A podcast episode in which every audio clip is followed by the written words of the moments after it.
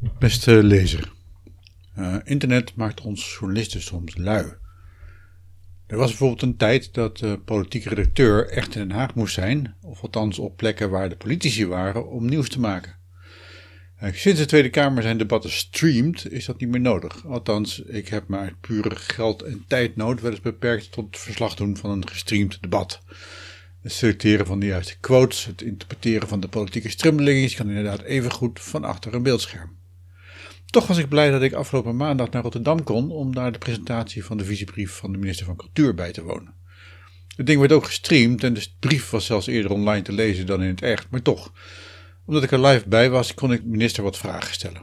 En ik kreeg antwoorden die niemand anders had. Kijk, of dat nieuws was, een collega vond van niet, ik vond van wel. Je kunt zelf bepalen of het de moeite was. Het interview met de minister staat als audiobestand op de site en is ook los te beluisteren op iTunes en Anchor. Lees en oordeel zelf, zou ik zeggen. Woensdag verscheen uh, opnieuw een stuk online uit het uh, Link-netwerk. Um, het is een mooie longread, geschreven door Gemma Boon, de kerstverse directeur van het nieuwe museum No Hero. Zij legt in haar stuk een principe bloot dat in de chique museumwereld voor problemen kan zorgen. Het onderling uitlenen van kunstwerken blijkt bemoeilijkt te worden door subjectieve argumenten en een verkapt klassensysteem in de musea. Kleine regionale musea vallen buiten de boot, terwijl ze even goed recht hebben op het erfgoed dat tenslotte van ons allemaal is. Zij pleit voor een alternatief systeem, dat het beste vergeleken kan worden met een oproep tot anoniem solliciteren. In dat systeem worden aanvragen verbruikelijk getoetst op technische en andere formele gronden, zonder dat de naam van de aan, het aanvragende museum uh, te vermelden.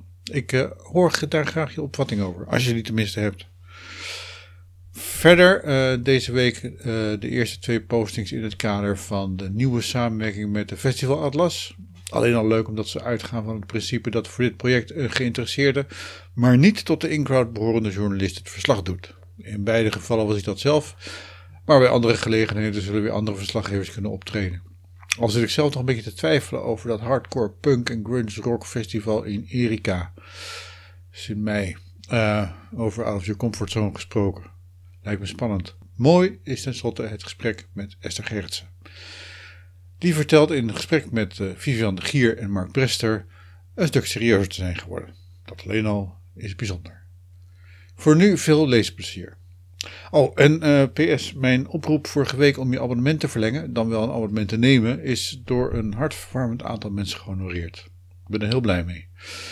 Mocht je denken, oh ja, vergeten, dan kun je nog steeds gebruik maken van de kortingscoupon. Um, en uh, de code vind je in de nieuwsbrief die hieronder staat. Speaking of which, PPS, het voorlezen van deze nieuwsbrief is volgens sommigen van jullie geen podcast. Volgens mij maakt de term niet uit. Uh, ze zijn hoe dan ook te horen op het podcastkanaal van iTunes. Ook deze. Tot de volgende keer.